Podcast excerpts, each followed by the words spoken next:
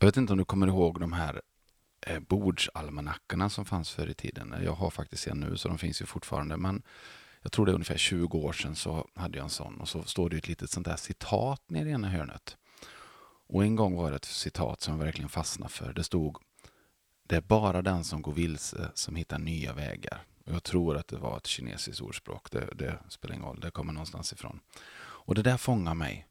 Och jag har tänkt mycket på det, att hur har jag gått vilse? Har jag gått vilse någon gång i livet? Alltså i, mm, på ett positivt sätt. Då. Man kan ju gå vilse på negativa sätt med. Men jag kommer ihåg när jag var 20 år. Jag hade spelat elgitarr, spelat elgitarr och spelat elgitarr.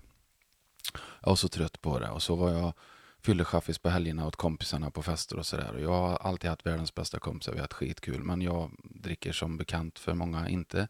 Och det betyder att folk tjatar till man är 18 år och då får de en chaufför. Så jag var chaufför.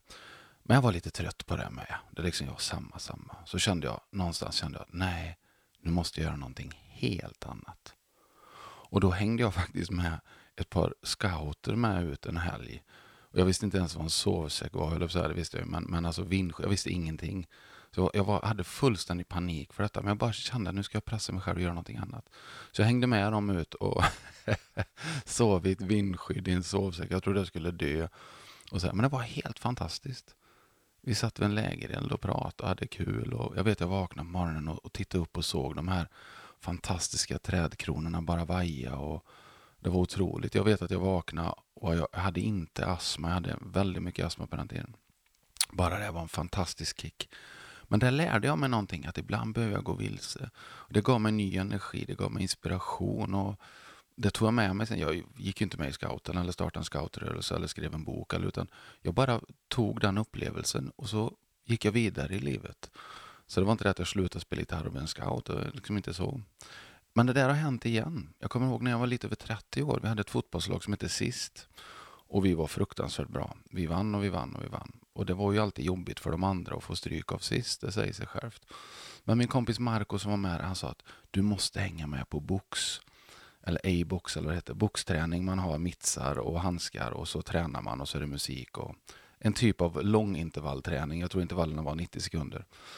Och det, det, det passade dig perfekt och det tyckte det var så kul. Och jag bara, nej, nej, nej. Och gym, nej, fy. Och jag bara såg bilder framför mig av sådana här stora muskelberg inoljade som stod framför speglarna med sådana här randiga pajasbyxor. Och jag bara kände, nej, nej, nej, nej, nej, jag är rockstjärna liksom. Ja, du hör ju hur pinsamt det resonerar. att resonera. Men Marco en god gubbe, han fortsatte tjata på mig. Och så en dag sa jag, men jag hänger med då. Och jag hängde med och vi körde box. Och det var så fruktansvärt roligt. Jag var fullständig extas. I duschen efteråt, det var på den tiden jag hade hår, så vet jag att vi stod och snackade och jag tyckte det var så kul. Och så, jag var så trött så jag bara skakade. Och så tog jag schampo i, i handen, men jag fick inte ens upp handen på huvudet. Marco skrattade så han grät. För jag, jag liksom stod och klafsade med handen liksom från axeln. Jag, jag fick inte handen över axeln. Liksom. Jag var helt slut. Men vad häftigt. Och när jag gick vilse den gången, om man nu får säga så, har jag faktiskt satt med mig i livet med. För då, då började jag träna på ett annat sätt. Jag började träna här på hemmaplan i, i Kina. Och har fortsatt sedan dess. Och sen har jag vågat gå vilse lite mer. Jag vet att det var sommaruppehåll på boxen och sen så sa de att du kan ju träna bodypump. Bodypump, vad är det? Nej, fy, jag är rockstjärna. Jag håller inte på med sånt. Men, Hasse Karlsson, vad är det nu? Ja, just det, jag går lite vilse ibland. Ja, så provade jag det. Fantastiskt bra träning. Jag fastnade för det. Jag har gjort det sedan dess. Ibland behöver vi gå vilse och göra någonting helt annat. Och ibland behöver vi kanske gå vilse inom vår passion. Jag var i LA här för några veckor sedan och gick på en sommarkurs eh, för att spela gitarr. Och det gick jag också vilse, för under en vecka så satt jag med bland världens bästa lärare och, och, och spela gitarr och spela bara sånt som jag är värdelös på. Det är väldigt mycket så att jag hade att göra. Men jag kände mig så värdelös. Jag kunde ingenting kände jag. Och allt och så här. Men jag utmanade mig själv. Jag gick lite vilse inom passionen. Och det gav mig hur mycket som helst. För att, att vara vilse och känna sig vilsen, det är helt olika saker. Jag har aldrig känt mig vilsen i min själ. Jag känner mig väldigt trygg. Och jag känner att jag vill leva nära livet. Jag vill göra det jag brinner för.